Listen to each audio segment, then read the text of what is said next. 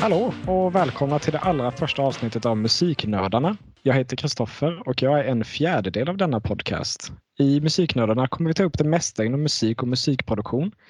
Vi alla går eh, musik och ljuddesignlinjen på mitt universitet och vi lär oss här allting ifrån att mixa till att räkna ut frekvenser på olika typer av ljudvågor. Vi kommer inte bara prata om det dock utan även lite om band, artister och ja, vad som händer i musikvärlden och ge våra åsikter om detta. Men jag tänkte att varje person här kan ge en liten presentation av sig själv. Så Erik, vi kan väl börja med dig. Ja, Erik heter jag. Eh, producerat i tre, fyra år ungefär. Eh, och började då på att läsa musik och ljuddesign via det programmet vi alla läser. Eh, för att liksom, ja, kunna djupdyka ännu mer i det jag tycker är så kul. Eh, producerar främst just nu hiphop men eh, ja, har gjort lite allt möjligt innan, innan det. Yes, Anton. Eh, ja, Anton heter jag då och jag producerar musik sedan eh, 2011, 2012 någonstans. Då jag hörde Swedish House Mafias Greyhound och Aviciis Levels för första gången. Så det var där någonstans jag fick upp ögonen för musik. Och ja, jag går ju som alla andra här musik och ljudproduktionsprogrammet och är antagen vid Mittuniversitetet. Och mitt mål är väl att kunna en dag kunna jobba med musikproduktion som, ja, som heltidsyrke. Um, jag kör för, producerar för det mesta IDM-musik. Och har gjort, ja, det är det jag fokuserar på mest under de här sju åren. Yes, ja. och Kora till sist. Ja, eh, jag heter Kora och jag är artist. Eh, jag har hållit på med musik eh, seriöst kan man väl säga sedan 2015, så det är inte så jättelänge. Men jag eh, skriver mina egna låtar, eh, kör mest trap och hiphop. Eh, väldigt svårt att beskriva min egen genre men någonstans där i gränslandet. Eh, jag går också på musik och ljuddesignprogrammet men jag är antagen via Dalarna. Eh, och jag hoppas kunna göra min egen musik mer, alltså att jag kan producera och mixa och mastra mina egna grejer och bara rent allmänt bli bättre på att förstå ljud. Eh, och jag är baserad i Malmö. I Malmö där sa du? I Malmö, precis. Yes. eh, ja, och jag heter Kristoffer som sagt. Eh, och jag började med musik mer, eh, vad ska man säga, eh, instrument i verkligheten. Alltså jag spelar instrument på det sättet. Eh, jag har väl hållit på med det sedan 2008 ungefär. Men sen så började jag bli mer intresserad av att ja, men producera och hålla på. Eh, märkt att det är det jag vill göra i livet. Så som de andra har sagt, det är väl mitt mål att kunna jobba som musikproducent fulltid. Och kunna mixa master och kanske till och med göra egen musik. Och eh, jag håller mig mest då inom hårdrock, metall eller eh, ja, syntpop ungefär. Det är väl min, mitt område. Så yes, det var ju en liten introduktion av oss fyra. Eh, då tänkte yes. jag, inte direkt en introduktion här, men det är lite kul att veta. Några av er nuddade på det ämnet i alla fall. Eh, vad var det som fick att bli intresserad av musik? Liksom, vilket moment, har ni något moment eller något sånt där ni känner att okej, okay, musik, ja, det fångade er liksom? Och ordet är fritt. Jag började med musik. Eh genom att jag fick vara med i min brorsas punkband när jag var typ 15. Eh, och efter det så, det var lite tur i oturen men jag hade inte så bra betyg när jag gick ut nian. Så eh, jag fick söka såna extra platser. Och då fanns det typ bara ett gymnasium som var scengymnasiet hette det, artistmusikal. Så det var där jag typ började bli på riktigt intresserad av musik och tänkte att så här, varför ska jag inte göra egen musik? Varför ska jag bara sjunga andras liksom? Så jag kommer lite från så här teatermusik fast ja. Eh, ja, för min del så var det för, eh, ja, för ganska många år sedan nu så för det första så har jag alltid varit väldigt intresserad av musik och lyssnat väldigt, väldigt mycket på musik och sen eh, eh, när jag var klar med att plugga första gången eh, och började på ett jobb som sjuksköterska så eh, var två av mina klasskompisar väldigt så här, väldigt duktiga musiker. Och då som en kul grej så tänkte vi att ja men vi, eh, vi testar att spela lite. Så jag började spela gitarr liksom lite mer seriöst och så hade vi lite gig och, gigs och, och så vidare och spelade in några låtar själva liksom. Eh, och mixade och mastrade. Det var en, en kille då i bandet som gjorde det. Och det var väl där liksom allt tog fart lite för att vi mickade och höll på själva och jag tyckte det var väldigt, väldigt roligt liksom. Så sen blev det att jag flyttade hem till min hemstad igen eh, efter ett antal år och då ja, hade jag inget band längre och så, så då körde jag på själv liksom. Och verkligen tog tag i att lära mig FL Studio som jag, som jag producerade och så. Och sen dess eh, håller jag på med det hela tiden kan man säga. Yes, ja men eh, jag är lite som eh, Erik sa, där jag lyssnar på musik extremt länge. Jag kommer fortfarande ihåg när jag var fyra år och satt i pappas bil och hörde eh, The Prisoner av Iron Maiden från deras Number of the Beast-platta. Och hur det bara fick mig att bli helt förtrollad. Eh, men sen när jag väl började med musik, det var väl 2008 som sagt, och jag började spela trummor. Eh, för jag tyckte det var för jobbigt att lära sig gitarr och eh, alla sätt man skulle ta ackord och sånt. Och sen så bara blev det mer och mer. Jag märkte så att ja, men trummor var kul för det fick folk att röra på sig och man, man kunde slå hårt och man kunde hålla på, du vet. På det sättet gick det. Och jag höll mig på den linjen ganska länge och bara körde trummor. Men sen började jag ju märka efter ett tag att musik med bara trummor i, det är ju ganska tråkig musik. Eh, så då lärde jag mig bas. Och sen, ja det var då jag började spela i band. Jag var med i flera band. Eh, runt här. Jag bor i Kalmar då, så i Kalmartrakten. Eh, ja, och sen eh, bara genom att utforska musik så började jag upptäcka ja, men det här är typ alternativ rock, alternativ metall, hur de kunde förvränga ljud och liknande. Och med keyboards och sånt. Och det var väl det som fick mig att börja tänka att jag vill göra riktig musik, liksom egna låtar. Så det är väl det skulle jag säga som fick igång mig, att spela trummor. Nice. Så det var med trummorna du började liksom? Ja, kan man ju säga. Ja. Alltså att det var trummorna som verkligen startade allting. Mm. Nice. Det är ju en väldigt bra grund med, med trummor för att man lär Mm. sig liksom rytmer och ja, få den biten. Ja, Exakt. Det kan, ju vara, det kan ju vara bland, bland det svåraste liksom med... Eh, jag tänker, alltså typ trummor och bas och så här. Få det att fungera riktigt bra. Eh, med rytmer och så här. Man vill ha en låt som... Ja, man får bounce liksom, eller vad man ska säga, i låten. Så att det blir intressant. Eh, Ja, I alla fall märker jag när jag gör beats nu att behövs liksom inte så mycket så länge, så länge basen och trummorna vibar med varandra så behövs inte så mycket mer egentligen. nej. Eh, Lite melodier och sånt såklart men jag tror man kommer väldigt långt på att och, ja, kunna trummor. Ja, det är ju hjärtat av en låt brukar man säga. Bas och trummor. Ja. Och sen bygger man på det. Mm. Ja. Men, ja. Men yes, Anton, when you're ready. Ja. ja, jag gick in lite på det förut innan att jag eh, blev väldigt inspirerad av Swedish House Mafia och Avicii för att börja göra musik. Och det var väl någonstans där 2011-12 då housemusiken verkligen slog igenom i Sverige. Som det jag fick upp ögonen för det mer. Eller fick upp ögonen för det lite mer. Så jag eh, köpte, säger vi, en version av FL Studio. Klart du Och- köpte. Ja, det är klart man köper allt sånt där. Nej men, jag skaffade mig FL Studio och um, ja, man började leka med det för det mesta. Det var ju, och um, ju mer tiden gick desto mer lärde jag mig hur, ja men, no, hur lite, lite musikteori på vägen och eh, ja men, hur alla element av en låt ska ja, men, funka tillsammans och det låter, ska låta bra. Så det var väl mer, ja, det var väl, jag skulle nog säga att den som inspirerade mig mest var väl Avicii. Och Levels och Silhouettes och alla, alla de där. Nice.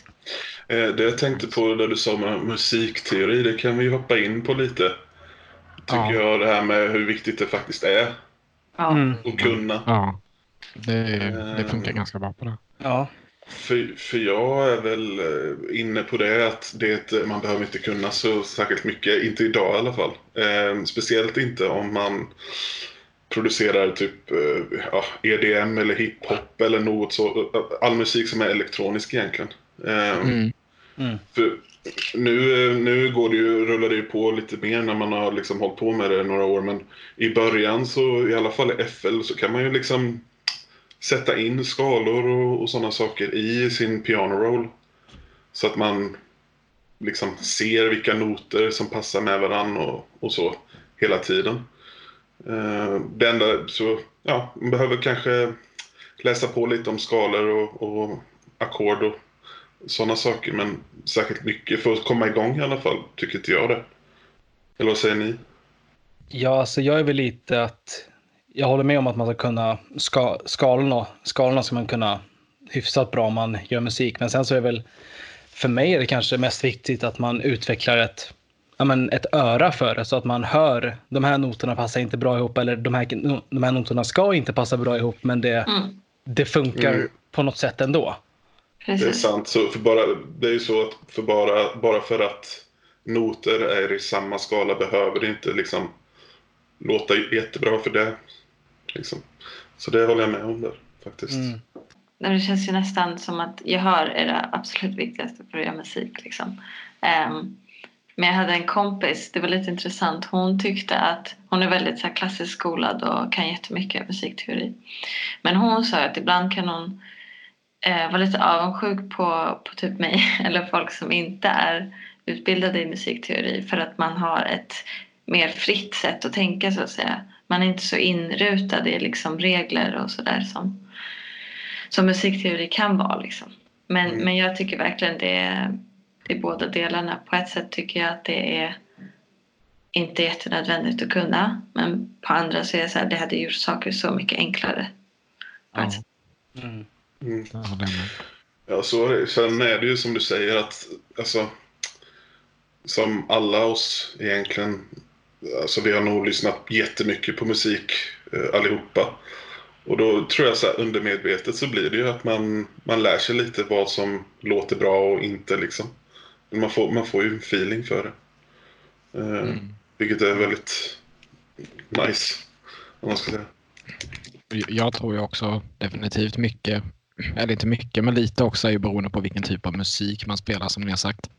Om man är EDM-artist eller liknande, då är det inte så viktigt. Och jag försöker inte absolut säga att någon som spelar EDM är sämre på att absolut inte. Det är bara att, som ni säger, då kan man ju lägga in allting i en DAW, alltså en digital audio workstation för er som lyssnar och inte vet vad DAW är. Um, men om man ska till exempel spela in eh, ja, en rocklåt eller eh, om man ska spela in typ en orkester eller liknande. Och om man kommer dit och de ber dig att stämma eh, typ till gitarren till D och du bara tittar på dem lite fundersamt eller något sånt där. Då, och inte ens vet vad det är eller inte vet hur det låter. Det kan ju orsaka problem. Men som jag håller med er, man behöver inte veta extremt mycket för att komma igång i musik. Det är absolut Nej. inte det man ska fokusera på. Nej, alltså gehör är ju någonting som de flesta föds med. Det är ganska ovanligt att liksom vara tondöv eller jag vet inte riktigt vad man annars kallar det. Men det är ganska ovanligt liksom. De flesta har ju någon form av gehör och det går ju att träna upp. Mm. Jag reagerade på det, på det du sa, Krilla, om eh, IDM-artister. Mm. Jag tog inte illa upp, så var inte orolig över det. Men eh, det kom, jag kommer att tänka på en DJ som heter Cashmere. Som är väldigt stor inom EDM-scenen och han är känd för att göra så här, kom, alltså vara väldigt duktig på att producera. Och Ja. han har hållit på sen, ja, i flera, flera år. Jag vet att han var en av de som gjorde Like a G6, om ni kommer ihåg den. Ja, Jag känner igen hans namn gör jag. Ja, han, gick, han lärde sig först musikteori grund och botten förra året. ja, Så fram tills dess har inte han kunnat någonting om det, men han har haft sånt gehör att han har han har ändå hört när det har varit bra eller dåligt. ja. Ja. Mm. Ja. Det vet jag ju. eh, Dave Grohl i Foo Fighters, han kan ju inte läsa musik ett dugg. han spelar ju bara genom gehör och liksom Foo Fighters, ja, så absolut. Det, är- Med men det- ett av världens största band. Liksom. Ja. Eh, så det är, men sen är det ju också lite så här kul, kan det bli för mycket musik till en låt? Till exempel, eh, har alla här hört eh, Dream Theater? Nej. Mm, nej. Ja, någon gång har jag väl hört om. Det är ett progressivt metallband, har funnits sedan början av 90-talet. Och de har en låt som heter The Dance of Eternity, en instrumental låt som är sex minuter. Och i den byter de tempo 106 gånger. Eh, och de, de brukar säga om ni kan spela den här låten med oss, då kan ni spela vad som helst med oss. Eh, och där är det ju också, om man verkligen tittar upp på hur den är uppskriven, den är ju, alltså det är ju galet att läsa det, the chart där liksom. Ja. Eh, så, och då, då är frågan, kan det bli för så mycket musik till en låt så att det blir tråkigt att lyssna på för att det är så svårt att hänga med? Förstår ni vad jag menar? Det tror jag absolut.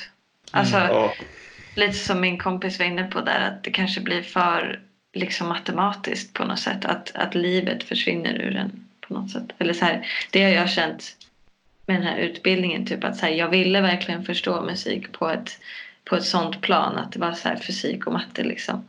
Men samtidigt har det lite tagit bort den här magin, eller vad man ska säga, för mig. Mm. mm. Ja, men det är ju lite som med musik som eh, låter jättecheesy när man säger det, men det är lite sant att musik ska göras med hjärtat ändå. Mm. Det ska ju vara något som verkligen så här kommer inifrån som man brinner för att göra. Och det är då det blir ja, allra bäst. Ja, absolut. det, det blir liksom för nördigt tror jag. För Mm. de flesta i alla fall. Eh, med den typen av låtar. Det finns ju till och med så här genrer som ja, typ math metal eller mathcore och sånt som är, alltså det ska vara liksom rytmiskt komplext och sådana saker. Eh, men för den generella lyssnaren så tror jag liksom det, det är ingen, ingen genre. Jag tror inte någon låt i den genren kommer eh, komma på typ topp 40 liksom. Topp 40-listan. Det är liksom för, för svårt Nej, att ta sig till. Det, det Eh, stämmer. Ja. Det, det, ja, men det är typ som det bandet jag sa, de har ju funnits i 30 år nu och de är jätteframgångsrika men de har aldrig haft en radiohit. Och det är för att du säger liksom, det är ingen, det är ingen mainstream radio som vill ta in sådana där låtar. För det är inte... Ja. Men det, det, är också en, det skulle vara kul att diskutera eftersom jag har folk här som gör mycket EDM. Va, vad skulle ni säga, vad är skillnaden på vanlig house och progressiv house? Va, vad tycker ni är skillnaden där? Eller typ, vet ni ungefär hur skulle, Mm. ja, definitionen där? Alltså, house, så vitt jag vet, är ju... Alltså själva genren house är ju lite mer technostuket. Det är ursprungligen från techno. Nu kan det vara helt, helt fel, men för jag uppfattar så är det mycket mer, det är lite mer, alltså simpelt så här, dunku, dunku, dun, dunku, alltså bara sånt. Four on the floor, typ. Ja, exakt. Och progressiv, vilket också är roligt, det som jag har gjort mest, är mycket mer, det är mycket mer, vad heter det, Fok- fokus på melodier, ackord och allt det där. Att det ska vara melod, mer melodiskt än bara four on the floor klubb, liksom. Ja, för det är intressant liksom när, när typ jag eh, hörde Avicii och sådär och hela den vågen av house som kom då. Eh, jag fattade liksom inte skillnaden på, eller så här, det kallades house men house är också liksom den här four on the floor som är mycket mer techno-ish liksom. Mm. Så, ja. Exakt. EDM överhuvudtaget är ju en jävla djungel alltså. ja, fan. Eh, Det finns så mycket subgenrer och liksom man vet inte vad som är vad riktigt egentligen. Nej. Nej, det, Eh, fin- det finns ju något som heter, en genre som jag har inte har fastnat för, men jag har aldrig fattat hur man kan gilla det, som heter Frenchcore. Om ni vet vad det är. Nej. Nej. Det är typ, tänk.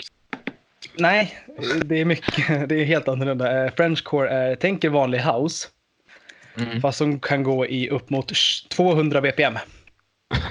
Alltså, Ja, det låter mest jobbigt tycker jag. Ja, Ja, det jobbigt det är ganska på. jobbigt att lyssna på. Gud. Ja, Jag, jag, ja, förlåt, vad säger du? Jag ska bara säga att typ så här, det finns ju också typ eh, minimal techno. Och man bara okej, det låter exakt som typ minimal house. Eller så här.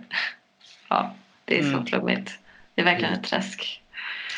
Ja, jag kan bara säga innan vi fortsätter så all, ni som lyssnar vet vi sitter inte på samma plats. Eh, vi just sitter på distans. Så ifall ni undrar varför vi ibland råkar avbryta varandra är för att ja, vi ser inte varandra. så ni bara vet. Eh, men ja. Jag, jag är ju med House, jag, jag tycker ju, fast nu är det ju senaste, deras senaste platta var ju inte House precis, men Daft Punk tycker jag ju är jäkligt bra. Deras Mm. första två plattor är ju riktigt bra. Ja, fint. Men eh, jag vet inte, eh, de gör ju typ tusen olika genrer känns det som. Ja, men det är det som är så fett tycker jag. Förlåt. Ja, ja men det, det stämmer. Det. Jag tyckte om den där de gjorde, de skrev eller producerade eh, I feel it coming med The Weeknd. Ja, den tycker jag exakt. på den här låten. Den Ja. har ett gött feel. The jag. Weeknd för övrigt är ju en sjukt bra artist, eller så här rolig artist för att han är inte rädd för att liksom jobba med typ, alltså den här typen av artister. Eh, med EDM-artister och sånt. Eh, ja, Ja, och alla låtar jag har hört som han är med liksom med, med någon DJ eller producent DJ-aktig eh, har varit riktigt bra. Eh, mm. Speciellt en, eh, en, eh, vad heter han, Gest- Gestaffel Gesappelstein. Ja, den, den låten med honom är ju helt grym alltså. Mm. Så jävla bra. Ja, jag tycker också om The Weeknd. Han är nice. Många kallar, jag har hört honom kallas den nya Michael Jackson av vissa. Men eh, jag. Nej. jag, jag tycker han har sin egen grej igång Ja, faktiskt. men det har han Ja. det, det är inte, det är inte Lite Michael långt Jackson. Ja, lite Ja. Ja. Ja. Ja, men det, det, jag kan också verkligen uppskatta artister som kan göra olika genrer eller så här, vågar utmana sin egen kreativitet. Jag tycker att så här, finns det någon som kan vara i samma genre hela sitt liv och aldrig tröttna? Jag tror inte det. Alltså. Nej. Nej, alltså Nej. Det enda jag kan komma på rakt av som kör typ samma låtar i, ja vad blir det nu, 46 år, det är ju typ AC/DC. De har ju kört exakt samma stuk i 46 år. Ja. Och på något jäkla sätt så lyckas de, jag vet inte hur. Nostalgi tror jag.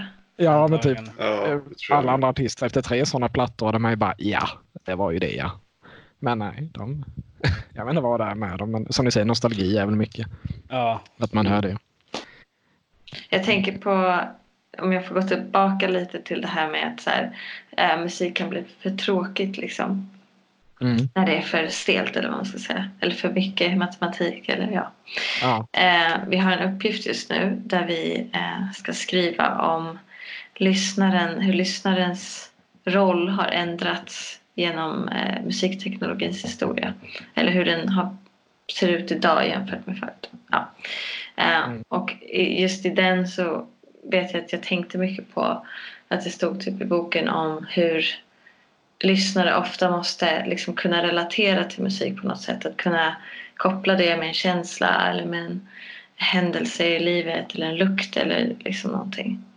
Ja. Och det tror jag är väldigt viktigt för att liksom gilla en låt, att man ska kunna relatera till något sätt. Och det kanske är svårt när det är så hög nivå av musiknörderi. Ja, men det, det stämmer absolut. Typ, jag vet sån musik jag lyssnar på nu, så här progressivt, typ Tool och Opeth och sånt. Jag som 12-åring hade ju hatat det.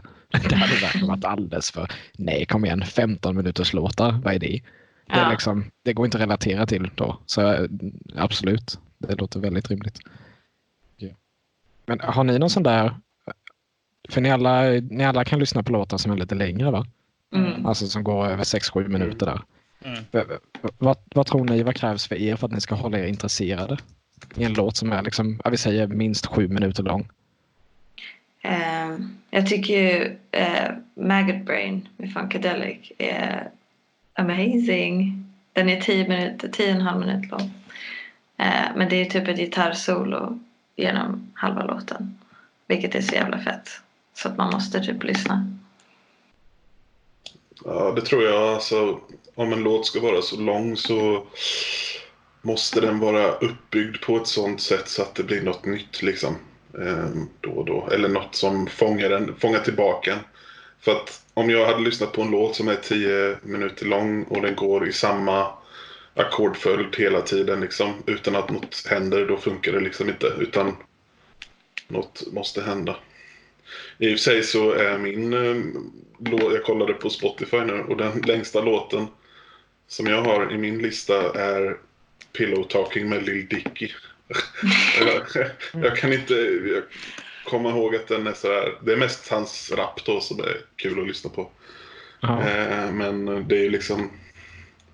Bitet är väl ungefär, det var länge sedan jag lyssnade på det nu. Men, eh, Mm. Så det, det måste vara något i alla fall tänker jag som fångar den. Drar, drar in den igen, det är väl det. Liksom, intresset är på topp kanske i början. Mm. Mm. Sen efter några minuter måste något nytt komma in liksom. Ja. Ja, jag kommer ihåg eh, 2016 tror jag det var. Så släppte ju Eminem helt från ingenstans en låt som heter Campaign Speech som är sju, nästan åtta minuter lång. ja, den ja. ja. Det, är ju, ja, det var ju inte liksom så en låt, det var ju bara han som körde a cappella och ja, men var väldigt politisk med, med själva ja, innehållet. Mm. Och jag, tänker lite, jag tänkte lite att ett år efter släppte han ett nytt album, så någonstans känner jag att även om den låten kanske inte bröt igenom på något sätt, så det fick ju ändå folk att börja snacka om honom med att han släpper en åtta minuter låt utan trummor och där han bara pratar om politik. Ja. ja, Så det, kan- jag kom, ja, förlåt då. Jag tänkte bara säga att det kan ju också vara ett marketing, så här, om man släpper, att släppa sådana långa låtar kan också vara något marketing att få folk att snacka. Mm. Det, ja, men det tror jag absolut. Typ, eh, alltså mitt så här exempel på sådana extrema långa låtar eller så, det är typ eh, ett av mina absoluta favoritband är Tool och de släppte en ny platta i år, Fear Inoculum och den är sju låtar är det på den och eh, den är 80 minuter lång.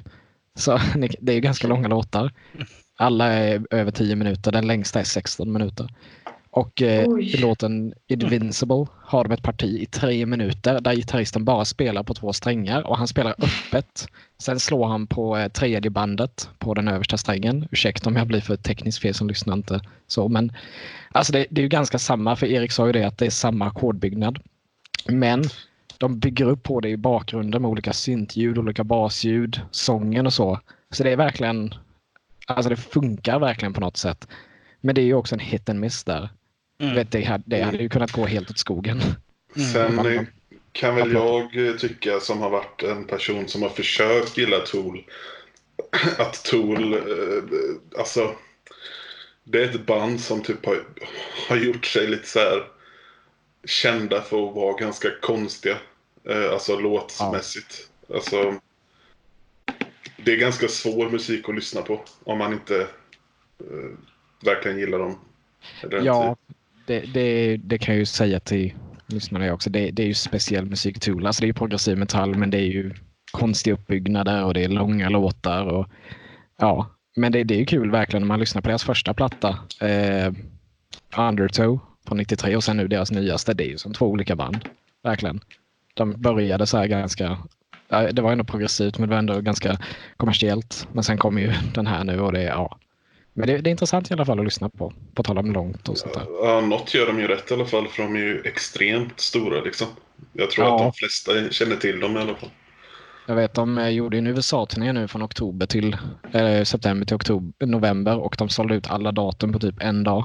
Och det är ju sådana stora sportarenor med typ 20 000 pers i varje. Så, som du säger, något gör de. Jag vet inte vad. Men det är, ja. Men Jag, eh, har- jag har försökt eh, komma in eh, eller lära mig tycka om dem men det har inte riktigt funkat än. Kanske gör något försök i framtiden någon gång. ja, ja, men det, det, vet, det är samma typ. Alltså, jag har försökt att komma in i artister men inte tyckt om dem. Men jag ändå uppskattar typ eh, Avicii till exempel. Jag, jag, tyckte, jag tycker inte hans musik är bra alls, men jag uppskattar ändå hur bra han var på att göra låtar. Hur, hur, vad ska man säga, hur intelligent han var. Det är ju riktigt bra musik på det sättet, absolut. Det, sen är det ju bara inte min smak. Det, är- ja. Men där, där, det är ju till exempel så att man kan ju tycka om en artist på det sättet. Om du förstår vad jag menar. Mm. Mm, absolut. Man kan ju alltså verkligen ha respekt för artister som är otroligt duktiga men som man bara inte... Eh, det är inte ens smak liksom. Mm. Jag håller med. Typ, Avicii är ju ett bra exempel. Då. Alltså till och med mina föräldrar och sånt som inte lyssnar på EDM överhuvudtaget bara älskar vissa av hans låtar. Det, det är någonting liksom med dem. Mm. Eh, och eh, alltså, han var ju... extremt ja, men nytänkande tror jag. Alltså för den tiden med det han slog igenom och tog in massa akustiska element i sina elektroniska låtar och, och så här blandade country och, och Ja. sånt. Ja. Alltså han var ju så vitt jag har förstått den första DJen på så sätt att slå ut i mainstream och inte bara hamna på IDM-topplistan utan världslistor konstant.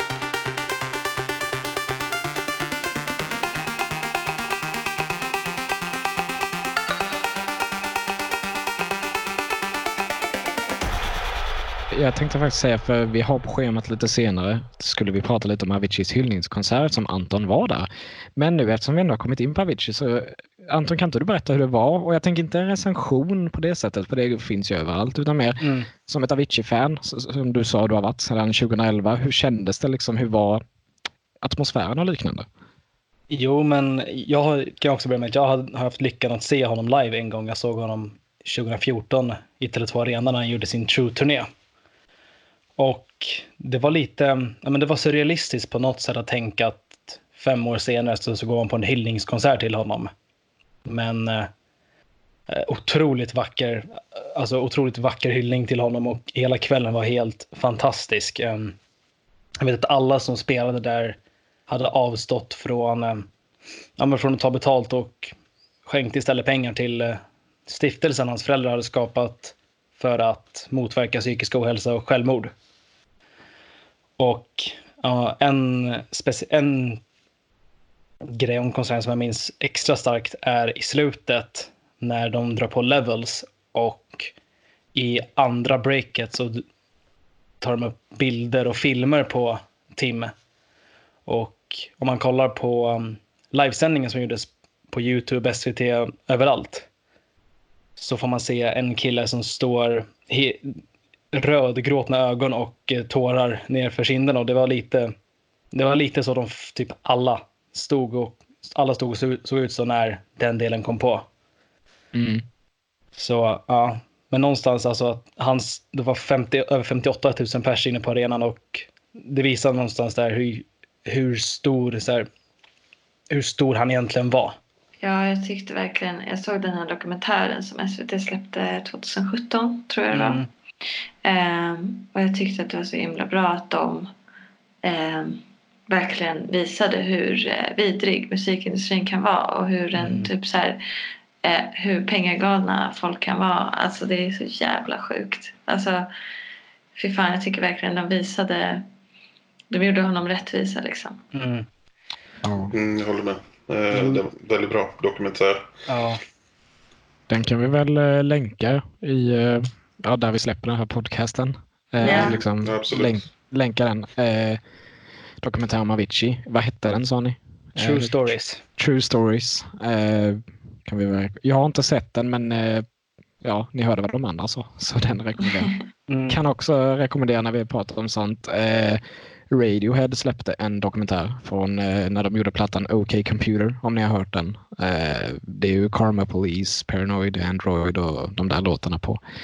Och eh, sångaren fick ju ett mental breakdown i slutet av den turnén på grund av vad ni säger, att musikindustrin är så hemsk. Och de filmar liksom från början av turnén till slutet av turnén och han är ju ett complete wreck i slutet. Mm. Eh, eh, Det finns en låt med dem som heter No Surprises och i den så är han inne i en, eh, vad heter det, dykardräkt och vatten fylls långsamt uppåt. Liksom han dränks långsamt. Låter ju hemskt. Men eh, det finns en sån här behind the scenes på den och den här spelades in i slutet av turnén och de fick ju göra om det här flera gånger, den här tagningen. Mm. Och man ser på honom han bara mer och mer bryter ihop för att det blir så jobbigt. Mm. Och till sist bara sitter han och skriker för att det är så, han är så nere. Så absolut, musikindustrin är ju inte så glamorös som man tror. Så är det Nej. inte. En, en liten grej om True Stories som min morsa faktiskt berättar, eller fick upp i mina ögon när jag, efter att Tim hade dött. Eh, Den här släpptes ju 2017 som Cora sa. Och Tim tog sitt liv 2018. Men True Stories är på något sätt gjord på den är gjord på ett sätt som det känns som att den är gjord, redan gjord till någon som är död. Mm. Mm. Ja, för fan. Ja, Men verkligen. Ja, Mm. och det är så här, det är helt sjukt när man, när man ser hur han blir behandlad och att så här, de flesta fans eller liksom lyssnare som inte själva gör musik har ingen aning om hur det är för artister. De liksom, eh, eller så här, som, som lyssnare själv så är man ju så här, man köper en, en biljett till en konsert och man ser fram emot det och man betalar mycket pengar och jada jada. Men man tänker inte på att den här artisten har, eh, när den går på sin tour liksom, den gör det nästan varje kväll i typ två, tre månader. Förstår ni hur slitsamt det är alltså? Det är Ja. helt sjukt. Det, Mm. Ja, tänker själva liksom vara hemma. Ja, det kan ju vara allt från tre månader till ett år hemifrån, bo på hotellrum, intervjuer varenda kväll och så liksom, ja men vara glad. Ja, Exakt. Ingen, ingen vill ju se en människa stå och vara ledsen på scen. Nej. Så det är ju, ja, Nej, exakt. Och sen eh, får man inte glömma det heller med de här stora artisterna som eh, alltså med världsturnéer att de flyger ju, bryter tidszoner hela tiden. Fan. Bara, bara det liksom eh, måste ju ta ut sin rätt liksom, efter ett tag. Mm. Eh, när jag pratar med mina andra vänner som är artister också den här grejen att kanske innan man bryter igenom och är independent och sådär så måste man liksom kombinera det här med att spela live och skriva musik så att det blir alltid så här man måste vara både den här introverta svåra konstnären och man måste vara eh, väldigt extrovert eh, samtidigt men jag kan tänka mig att det är minst lika jobbigt att vara extrovert konstant liksom. ja Eh, det, absolut. Fy fan, jag, jag är själv introvert så att jag kan inte ens tänka mig hur plågsamt det måste vara. Nej, det är, ja, och det, det kan man ju tänka sig nu. Nu finns ju sociala medier och allt, men tänk 70, 80 och början av 90-talet där när internet inte var stort. Om man inte kunde sprida klipp på det sättet som vi kan göra nu. Du vet, det Mm. var ju inte ovanligt att, att göra minst 150 spelningar per år. Tänk, som du sa där, 150 gig per år. Skriva musik, göra intervjuer, sprida sina grejer. Det är ju, ja, det är ju tortyr nästan. På det sättet. Så ja, Ja, och, hemskt verkligen. och som i Aviciis fall, liksom att han hade ett helt team. Jag, vet, inte, jag tror att hans manager säger det till honom någon gång. Han bara så här, vet du inte hur många människor som är beroende av att du fortsätter göra musik liksom. Och det är så himla manipulativt sätt. Även om det är sant liksom. Mm. Ja, alltså men det är ju riktigt taskigt nästan för att Ja, eh, om inte Avicii hade blivit en artist överhuvudtaget liksom. Alltså ja. deras sen- business hade rullat runt förmodligen i alla fall. Liksom. Mm. Sen drar han in så mycket pengar så att de, ja. Mm. Jag var tvungen att googla upp det här på tal om shower. Avicii under de åren han var aktiv som DJ gjorde 830 shower. Ja, Helvete. Ja, han var ju bara igång. När började han? 2006 eller något sånt där va? Ja, Alltså Det är, mer, professionellt. det är ju mer än två shower per dag. ja han ehm, gjorde ju väldigt, väldigt många shower. Ja. Det är ju... Alltså. Nej. En annan blir trött av att åka buss en halvtimme. Ja, Ja, gud. Men eh, jag tycker i vilket fall så borde ju alla som lyssnar på det här titta på den här dokumentären och Mm. eh, hyllningskonserten för att den det borde finnas på Youtube för att de livesänder ju den. Den Eh, finns på Aviciis officiella YouTube-kanal. Ja, exakt. Ja, så den borde man också kika på. Även om man inte ens gillar som musik så är det verkligen något intressant. Och, Ja. ja, för det, är, Mm. ja, Det borde Det- man kolla på. det vet jag när eh, Chester Bennington i Linkin Park tog sitt liv för två och ett halvt år sedan. Eh, det slog ju jäkligt hårt. För jag gillar ju dem väldigt mycket och då var det också en sån här hyllningskonsert. Och det, ja, det är så jäkla tungt att se sånt. Eh, speciellt när man tyckte om artisten. Det, det kan ju inte sägas nog, men det kvittar hur mycket pengar man har. Det kvittar hur mycket killar eller tjejer man har, liksom hur många ligg man har. Liksom, om man mår skit, då hjälper inte något av de två. Det kvittar verkligen. Mm. Och det, är, det är det som många artister och offentliga personer har fallit för. Fallit för ursäkta. Eh, liksom, de har mått dåligt men ja, det har inte kunnat rädda dem. Det går ju inte. Tyvärr. Nej. Nej, jag vill eh, bara säga det. Eh, att om det är någon som lyssnar som har självmordstankar så finns det Självmordslinjen som man kan ringa mellan 6 och 24 varje dag. 90 101. Man kan också Och, köpa. eh, Ja, Mind heter de va? Ja, precis. Eh, ja, det går att chatta som sagt. Och, eh, det finns ju såklart, om man vet att det är riktigt dåligt, då kan man ju självklart ringa 112 om man märker att om man mår riktigt dåligt. Det är ingen skam i att absolut inte. Nej, Eh, Nej. det är mycket det är bara värt ring. att Man, ja, det är bara att ringa. Och sen så Eh. för, Ja, förlåt. ja, ja, de som är killar, håll för fan inte det inne. Säg bara, säg bara som det är, att om man mår dåligt. Det finns inget fel med att vara kille och säga att man mår dåligt eller gråter eller något sånt där. Precis. Abs- absolut inte. Det Vi är... kan väl, ja, förlåt. Nej, kör du. Nej, vi kan väl skriva numret i här nere nedanför vår podd. Det kan vi göra. Någonstans. Yes. Ehm, jag tänker, vi, vi har pratat lite nu så här om eh, men, eh, artister och vi, vi har pratat lite så här om hur det blir populärt och liknande. Jag tänkte snabbt vi kunde prata, eller snabbt, men prata lite om musik då och nu lite. Ja, men typ om vi tittar vad som blir populärt nu för tiden, typ vilka låtar som är populärt och vilka låtar som blev populära på 60-70-talet. Vad är liksom, hur har den ändrats tycker ni? Liksom, har ni märkt någon stor skillnad i musiken förutom genremässigt? Liksom, personligen har jag ju märkt att vi har ju, vår attention span har ju gått ner ordentligt. Mm. Eh, och därför har det blivit väldigt enkla låtar som blir populära. För det är det liksom, när man har dålig attention span då orkar man inte liksom sitta och lyssna på något komplicerat utan vill ha något enkelt. Jag vet inte om ni håller med eller? Mumble rappers. Ja, både och. Jag menar, dubstep är ju en ganska modern genre. Eh, och om man jämför med annan musik så väl, är ju det ganska så här ja, intensivt liksom. Eh, det kanske inte var det du menade i och för sig, men... Ja. Det är ett så stort ämne känns det Ja. som. Ehm, jag vet inte riktigt hur jag ska angripa det känner jag. Nej men eh, typ om vi tar eh, om vi tar The Beatles. Liksom, Mm. alltså, det kan man ju säga är det största bandet som har funnits, funnits nästan. Mm. Eh, vad gjorde de populära? Liksom, de var ju väldigt inonat, in, det är ett svårt ord. De var väldigt... Eh, tack! eh, så det var ju det som gjorde dem populära. Man hade ju inte hört sånt förr. Men nu liksom... Det känns nästan som poplåtar bara återupprepar sig själva, ni vet. Det kommer inget nytt, men ändå så blir det populärt. Och jag undrar vad, det, vad kan det bero på? Det pratar vi väl, eller så här, det läser vi mycket om i den här uppgiften som jag nämnde tidigare, som jag har i skolan. Känns det som att vi, det är väl det typ, vi undersöker med den här kurslitteraturen. Typ. Ehm, hur, hur olika roller i musiken har blivit på grund av utvecklingen. Liksom. Men, men Mm. i och för sig 70-talet till nu, det är inte så lång tid.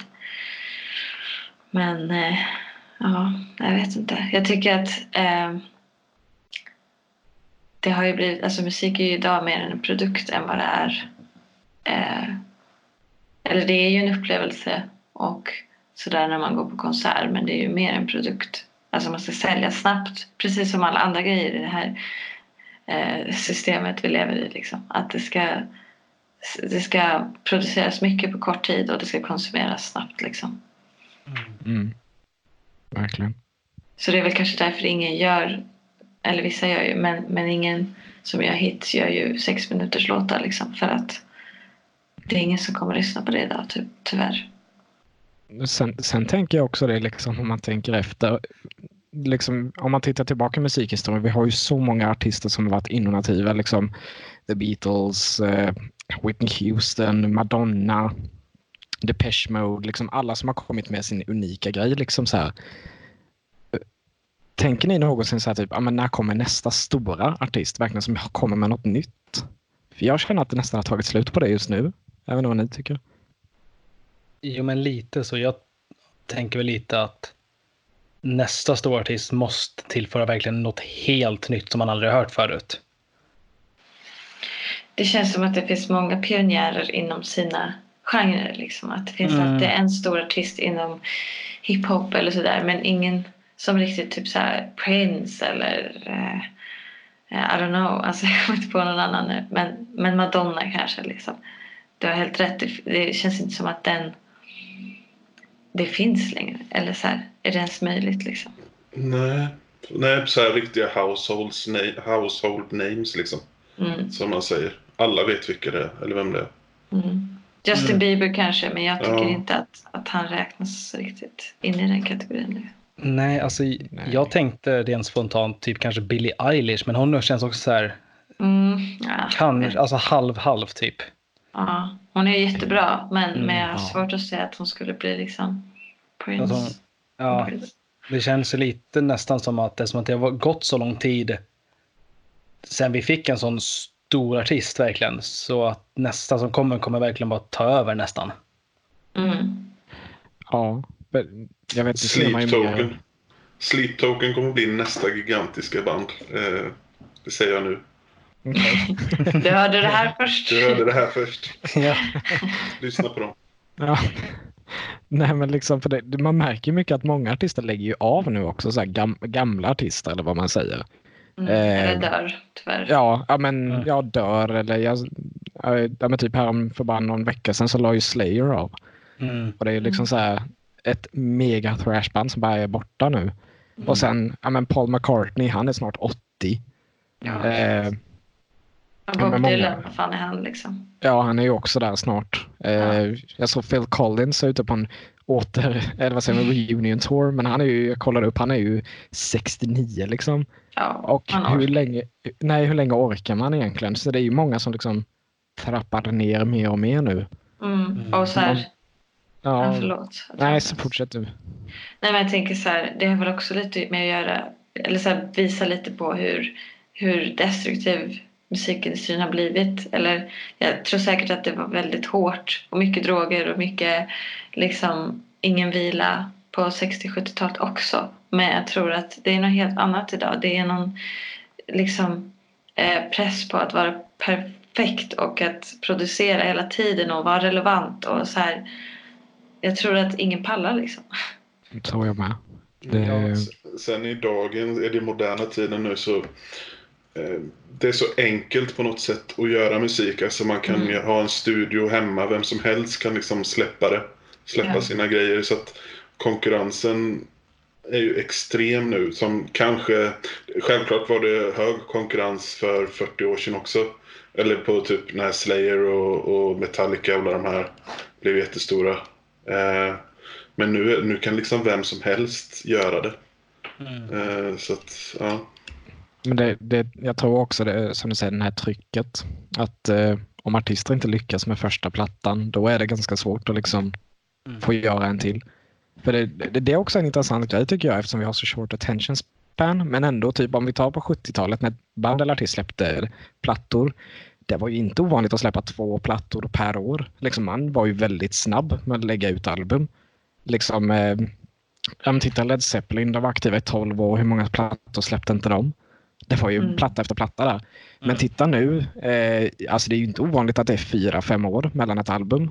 Och det är ändå så här att, ja, för det känns ju, en, ja det är lite intressant den kontrasten ändå. Även fast vi har så short attention span så kan vi vänta så länge på ny musik från, ett, från ett, en artist. Men har inte det med att göra med att de släpper singlar? Jag tror att det är mer Ja, det har ju också blivit en, Ja, en ny grej. jag man tänker att- släpper, Ja, förlåt. Ja.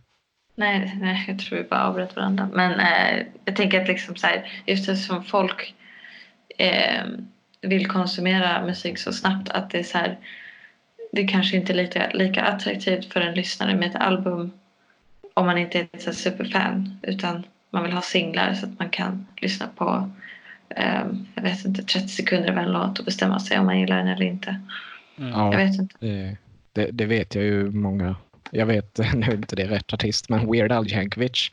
Han, han sa ju det, han släppte senaste plattan för fem år sedan, att han kommer inte släppa mer album för han vet att det är bara enklare att släppa singlar nu. Ja, Sa ju han. det, det är skönt på ett sätt. Det är bara en kul fråga. N- när satte ni er ner senast och lyssnade igenom en hel platta från början till slut? Utan att bryta, avbryta? En månad sedan kanske. Ehm, somras tror jag. På veckor sedan när Lil Peep, eh, Lil Peeps nya kom ut. Mm. Men det Mm. kanske är annorlunda för folk som gör musik själva eller har en annan uppskattning av musik än gemene man så att kalla. Mm. Ja. Jag tänkte lite på det ni pratade om. Album kanske inte säljs lika bra idag utan singlar är nya grejen. Mm. Någonstans så tänker jag att eh, när Eminem släppte sitt Kamikaze-album helt utan någon, alltså helt utan förvarning förra året. Att han på no någonstans gjorde rätt med att inte ha någon marketing här, för då blir man mer nyfiken på, ja, ah, va? Har, har du släppt nytt? Ja. Mm, genidrag, Det- tror jag. ja, det var Mm. smart gjort. Mm, så jag tror att det kanske är nästa grej, att bara släppa album, eller släppa låtar och album utan att säga någonting. Mm. Det, det, Men så, det, så är det ju då liksom med sociala medier och allting. Om man tar, speciellt om man tar någon som Eminem som har liksom miljontals fans över hela världen. Liksom det sprids ju som en löpeld. Liksom allt han Ja. gör. Liksom. Gratis. Så han behöver liksom ingen promotion egentligen. Nej, så är det ju. Och sen blir det ju sen blir det automatiskt så att eftersom att han gjorde det liksom utan någon promotion när bara liksom kom. Ingen, Mm. ingen fattade någonting riktigt så snappar ju andra upp det också liksom. Och är intresserade av för då blir det nyheter av det. Liksom, oh shit, Eminem släppte Kamikaze. Ja. Och sen så när det kommer ut att han återupplivade Slim Shady-egot i albumet så blev det ännu mer snack om det. Mm. Ja, exakt. Jag tycker dock att Eminem är lite trött. Jag tycker så här, ja, det kanske är dags att, att vara coach eller någonting. Typ. Ja, definitivt bättre förr, måste jag säga. Ja, lite så. Alltså, jag, jag kan inte säga att jag har lyssnat så mycket på den senaste, men jag tyckte om den låten han gjorde till Venom-filmen. Jag har inte sett filmen, men jag tycker om den låten han gjorde. Den var Så i- jävla bra. Den är riktigt bra. Filmen är skitbra också. Eh, Men eh, Mm. ja, jag, jag, jag vet han fick inte så bra kritik, men kritiker ska man inte alltid lyssna på. Nej. Nej, alltså det är väl samma sak med typ filmer och serier. Alltså, gå efter din, vad man själv tycker. Ja. Eh, Men en, en sak jag har märkt så här musik, eh, som ni säger att man släpper singlar. Jag tycker, alltså en album är lyssning, eh, listening experience. Liksom, man- vill ju lyssna på, man vill ju höra så. Men så ser vi att en artist annonserat platta med typ 12 låtar på och sen så liksom släpper de typ så här sex låtar innan plattan kommer ut. Och då är Mm. det så här liksom, men varför släpper ni sex låtar nu? Halva albumet ute redan. Det, det känns som man nästan förstör det då. Jag tycker det räcker med en låt innan. För det räcker på något sätt. Jag vet inte vad ni tycker men annars kan man bara släppa 12 singlar. För det liksom, annars tar man ju bort halva albumet. Då har man ju hört halva plattan redan. Mm, det var faktiskt så som eh, Sleep Token gjorde nu. Eh, de släppte precis sitt, men de har släppt... Om man går in på deras Spotify-profil. Ehm, så alltså de släppte varje låt typ en i veckan. Ehm, Och det är 12 låtar. Så sen när alla singlar var släppt, då släppte de liksom själva al- albumet i en playlist. Ja, okej. Mm. Ja. Nu, har- ja, nu har de tagit bort alla andra för det var typ 12 album uppe. Alltså de släppte, första var liksom en låt, sen var den andra en vecka senare två låtar, den gamla låten också. Och så så Mm. ända upp i 12 veckor liksom. Och sen Mm. nu finns albumet i sin helhet. Ja. Ja. Okej, ja. That's one way. yes. Eh, jag tänkte vi skulle börja avrunda lite. Mm. Eh, men har- vi har en liten kul grej vi tänkte försöka få in i varje avsnitt här i slutet. Är att eh, varje av oss fyra ger tips på antingen en band eller artist eller en platta de har lyssnat mycket på sistone. Och det kan ju vara en platta från förra veckan eller för eh, 80 år sedan. Man, det är ingen så här, det behöver inte vara ny. Så jag tänkte först, eh, Anton, vad skulle du vilja rekommendera? Jag skulle vilja rekommendera att man tar och lyssnar på en, eh, hur ska man säga, ny version av en eh, av Aviciis låtar som släpptes från Tim-albumet Fades Away. Då Mm. de släppte en konsertversion av den i torsdags i, i samband med, med den konserten var. Den har lite mer fokus på akustiska element i droppet och har en helt annan sångerska. Den är enligt mig mycket bättre än vad originalet var. Okej. Mm. Okej. Nice. Men eh, jag vill länka ju alla de här, tänker jag. Så folk Ja. kan titta. Yes, Kora, vad vill du tipsa om? Eh, först vill jag tipsa om den låten som jag pratade om eh, angående långa låtar. Eh, eh, Maggot Brain med Funkadelic. Men det kommer finnas en länk. Och sen Flying Lotus med Black Balloons Reprise. Uttalade det rätt? Eh, feat Denzel Curry. Han släppte den för en vecka sedan tror jag. Skit nice och nice Den- video också. Den är så bra den låten. Mm. Riktigt nice.